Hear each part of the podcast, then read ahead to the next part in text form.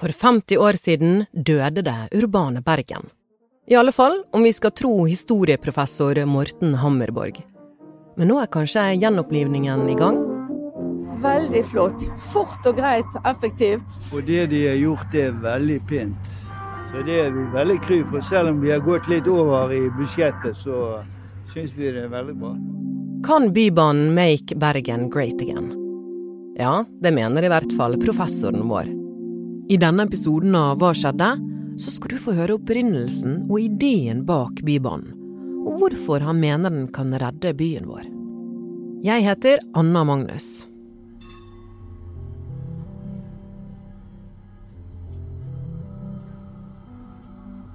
Morten Hammerborg. Spaltist, forfatter, professor, far og mest av alt bergenser. Hvor bor du, og når er du født? Jeg er født sommeren 1972. Vokste opp i Ytre Sandviken, et lite stykke forbi eh, Handelshøyskolen. Og et eh, halvt år før jeg ble født, så avgikk jo Bergen by med døden. Og årsaken til Bergens by død, det skal du få vite snart. Men for å forstå det store milliardprosjektet Bybanen, trenger vi litt historie. Kan du, Hammerborg, gi oss historien om Bergen gysla kjapt? Det begynner i 1070, så sier ryktene i hvert fall.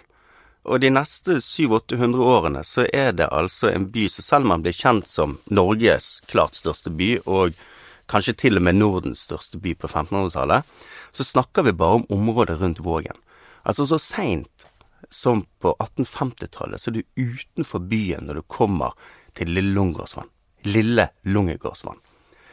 Så, så det er denne tette, lille urbane enheten som lever av fisken i Nord-Norge, som man eksporterer til Europa, omgitt av sine berømte syv fjell, som skaper seg en identitet og en idé om seg sjøl som bergensere. Og så kommer 1814. I en bok jeg har skrevet, så kaller jeg det Bergens annus horribilis. Det grusomme katastrofeåret. Og så entrer Bergen en tid hvor den blir en del av et Norge under en uh, hovedstad på Østlandet, som da gjør Bergen til nummer to by, med alt det det innebærer, men lever relativt lykkelig her i vest ganske lenge. I etterkrigstiden i Bergen er det noe helt avgjørende som skal skje. Noe som kommer til å utfordre den urbane byen. Bilen kommer, og trikken forsvinner. Bergen blir også et transportmiddel fattigere i disse dager. Sandvikstrikkens dager er talte, og siste reis nå forestår. Trafikken er i ferd med å ta strupetak på trikken. Parkeringen i trikkegaten er blitt et problem, og Sporveiens svar er å skifte til dieselbusser. Det var ingen floromvundne vogner den siste dagen Sandvikstrikken gikk, men gatene gråt. Særlig etter at bilsalget ble sluppet fri i Norge i 1960, så ser det ut som han har kunnet liksom skape den perfekte livsform. Nemlig å kunne bo romslig, gjerne en enebolig med hage rundt, natur alt, Støy og eksos og andre mennesker rundt deg er borte vekk. Og så kan du kjøre til byen, jobbe, og så kan du kjøre hjem igjen etterpå. Men når alle skal gjøre det, så for det første får du enorme trafikkproblemer, du får store miljøproblemer, og byen som urban, tett enhet hvor folk bor oppå hverandre, og som alltid har vært grunnlaget for at det urbane er noe annet enn det rurale, det forsvinner. Og dermed, så hvis ikke noe blir gjort, så dør Bergen. Så hvordan døde Bergen da, mener du? Vi kan innrømme at det er en slags spissformulering, men eh, som mange kanskje vil vite, så er det 1. januar 1972. Det er da Bergen går fra å være en bykommune som er tett bebygget, men det er jo da han slår seg sammen med Arna, Åsane, Laksevåg og Fana. Så områder som tidligere var selvsagt Strileland, Hylkje, Drotningsvik Ja, nesten hva du kan tenke deg, skal plutselig liksom være Bergen by. En by skal jo være tett befolket, intens urban enhet. Det har en by alltid vært gjennom hele historien.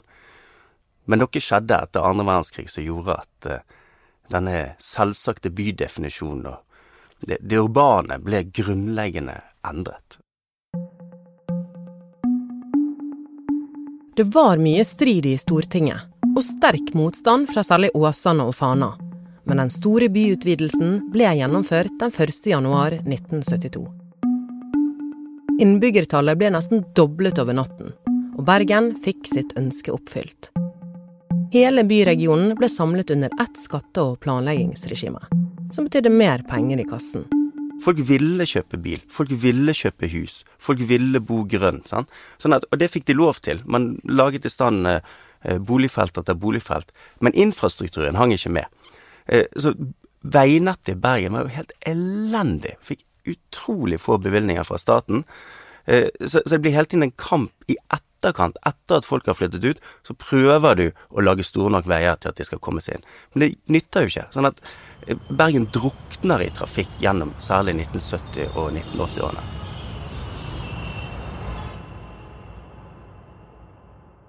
Det er det som fører da til det radikale vedtaket om eh, bompengering i 1986, som gjør at man får bygget ting som Fløyfjellstunnelen og motorveien fra Åsane og andre ting, som gjorde at man, for en stund i hvert fall, fikk bukt med køene. Klokka ti i formiddag var den historiske øyneblinken. Fra da av og i 15 år frametter må alle kjøretid inn til Bergen betale bompenger.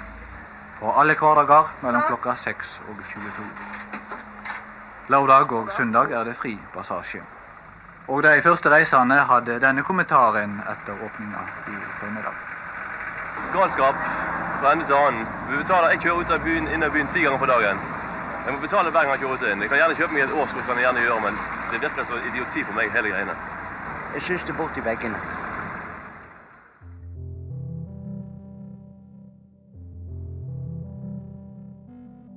På 90-tallet blåser en grønn vind over landet. Da dukker ideen opp igjen. Kanskje det ikke var så dumt med skinnegående trafikk i Bergen? Flere politiske parti blir enige om et 20 år så langt program som skulle løse all trafikk i Bergen, og særlig da kollektivtrafikken. Det ble hetende Bergen-programmet, som i dag er bedre kjent som Miljøløftet.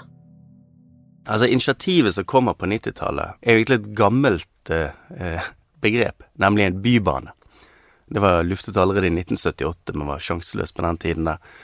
Og når det ble holdt en høring i 1994, det vel, når eh, Annelisa Tryti er byråd, eller kommunalråd heter det vel, før byparlamentarismen, så sies det jo i en eh, Vestlandsrevy, en eh, reportasje, at forslaget om en da bybane, skinnegående transport igjen, blir nærmest møtt med latter av Statens vegvesen.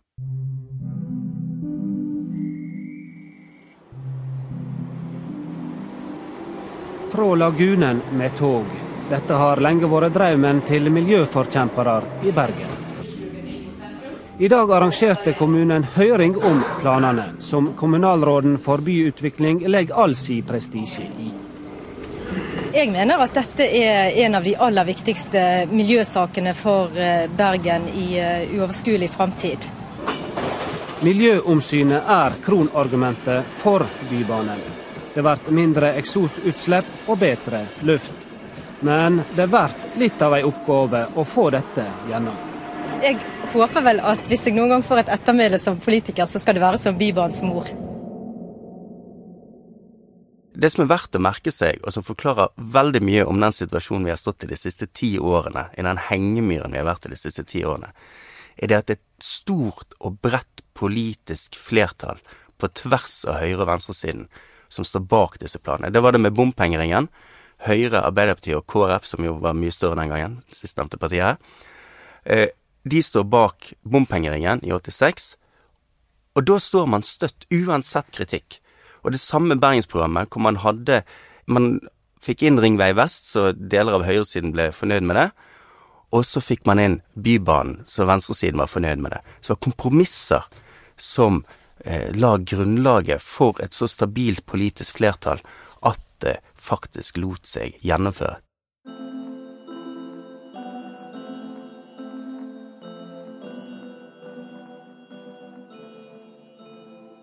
Det har alltid vært et mål om å ha en kontinuerlig bygging av Bybanen.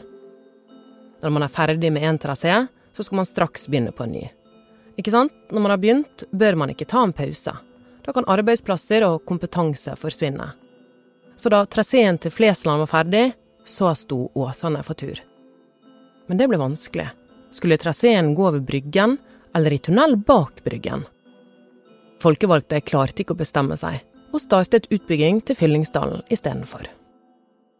Det er nøyaktig åtte år siden byrådet gikk inn for å bygge ut Bybanen til Fyllingsdalen før Åsane. I dag kunne utbyggerne endelig gi fra seg det ferdige produktet. For meg som er fra dalen, å kunne komme hjem til dalen med bybane, større blir det ikke, altså. Med den nye bybanelinjen nå, så binder vi sammen Bergen på en ny måte. Nye transportmuligheter, og ikke minst, folk får nye reisevaner. Nå eh, slår hjertet veldig fort, altså. Eh, jeg merker det. Det blir litt sånn eh, grøtete i halsen. Velkommen til Fyllingsdalen. Hva tror du er grunnen til at dette har vært så vondt og vanskelig? Altså, i enhver by så ville eh, en endring av noe så grunnleggende som eh, kommunikasjonsmønstre, og dermed også bosetningsmønstre, og hvordan folk lever sine liv i byen, eh, er vondt og vanskelig. For når du gjennom 1960-, 70-, 80-, 90-tallet har blitt lagt til rette for at når du, etter du er ferdig som student, eller hva du nå har gjort, eh, så bosetter du deg i suburbia med familien din, med små unger. Der finnes barnehage, der finnes eh, kjøpesentre, og du har bilen som gjør at logistikken går opp. Og, og hvis dette her tas bort fra folk, så blir folk rasende. Eh, og i tillegg at det legges masse penger på deg, og særlig når du er i en sånn økonomisk sårbar fase som småbarnstiden for mange er, for å finansiere noe som virker som noen i en annen bydel eller i sentrum eller noe forferdelig noe skal, skal ha nytte av. Så dermed så er det, det, det er et raseri som er, som er totalt forståelig. Og samtidig er det dette med at staten sin rolle har vært veldig flyktig. Sant? Fram og tilbake om de har støttet eller ikke. Sant? Så de var jo ikke inne i finansieringen i det hele tatt i begynnelsen av Bybanen. Sant? Og så har de gått inn med mer midler. Sant? Men altså, så finansieringen av dette, bompenger, det at folk blir pålagt eh, belastninger i livene sine, da blir man sint. Og så er det den politiske situasjonen i Bergen. Som nevnt, bak bompengeringen og Bergensprogrammet så var det en bred allianse. Men så er det denne Bryggen, da. Som gjør det at denne brede alliansen slår sprekker. Selv om man er enig om å bygge bybane. Men i det øyeblikk man kan bruke dette som et politisk våpen mot hverandre for å få makt i Bergen, så bidrar det også sterkt.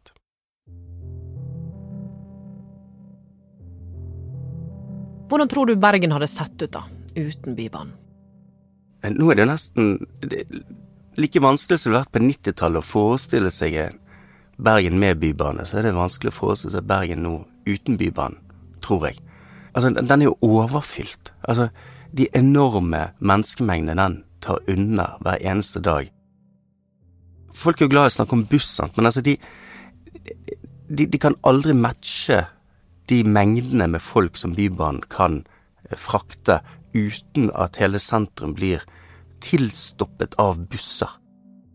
Det kommer sikkert veldig tydelig gjennom at jeg mener at Bybanen har vært helt, helt avgjørende for Bergens utvikling det siste, og i framtiden. Og på en eller annen måte så må det komme en bane til Åsane. Det, det ble jo liksom fremmet som en miljøsak, først og fremst.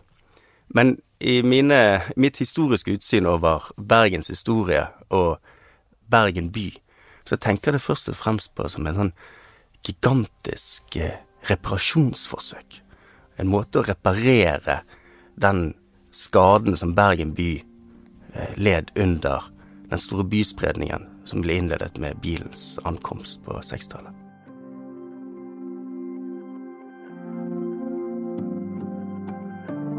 Du har hørt en podkast fra Bergens Tidende.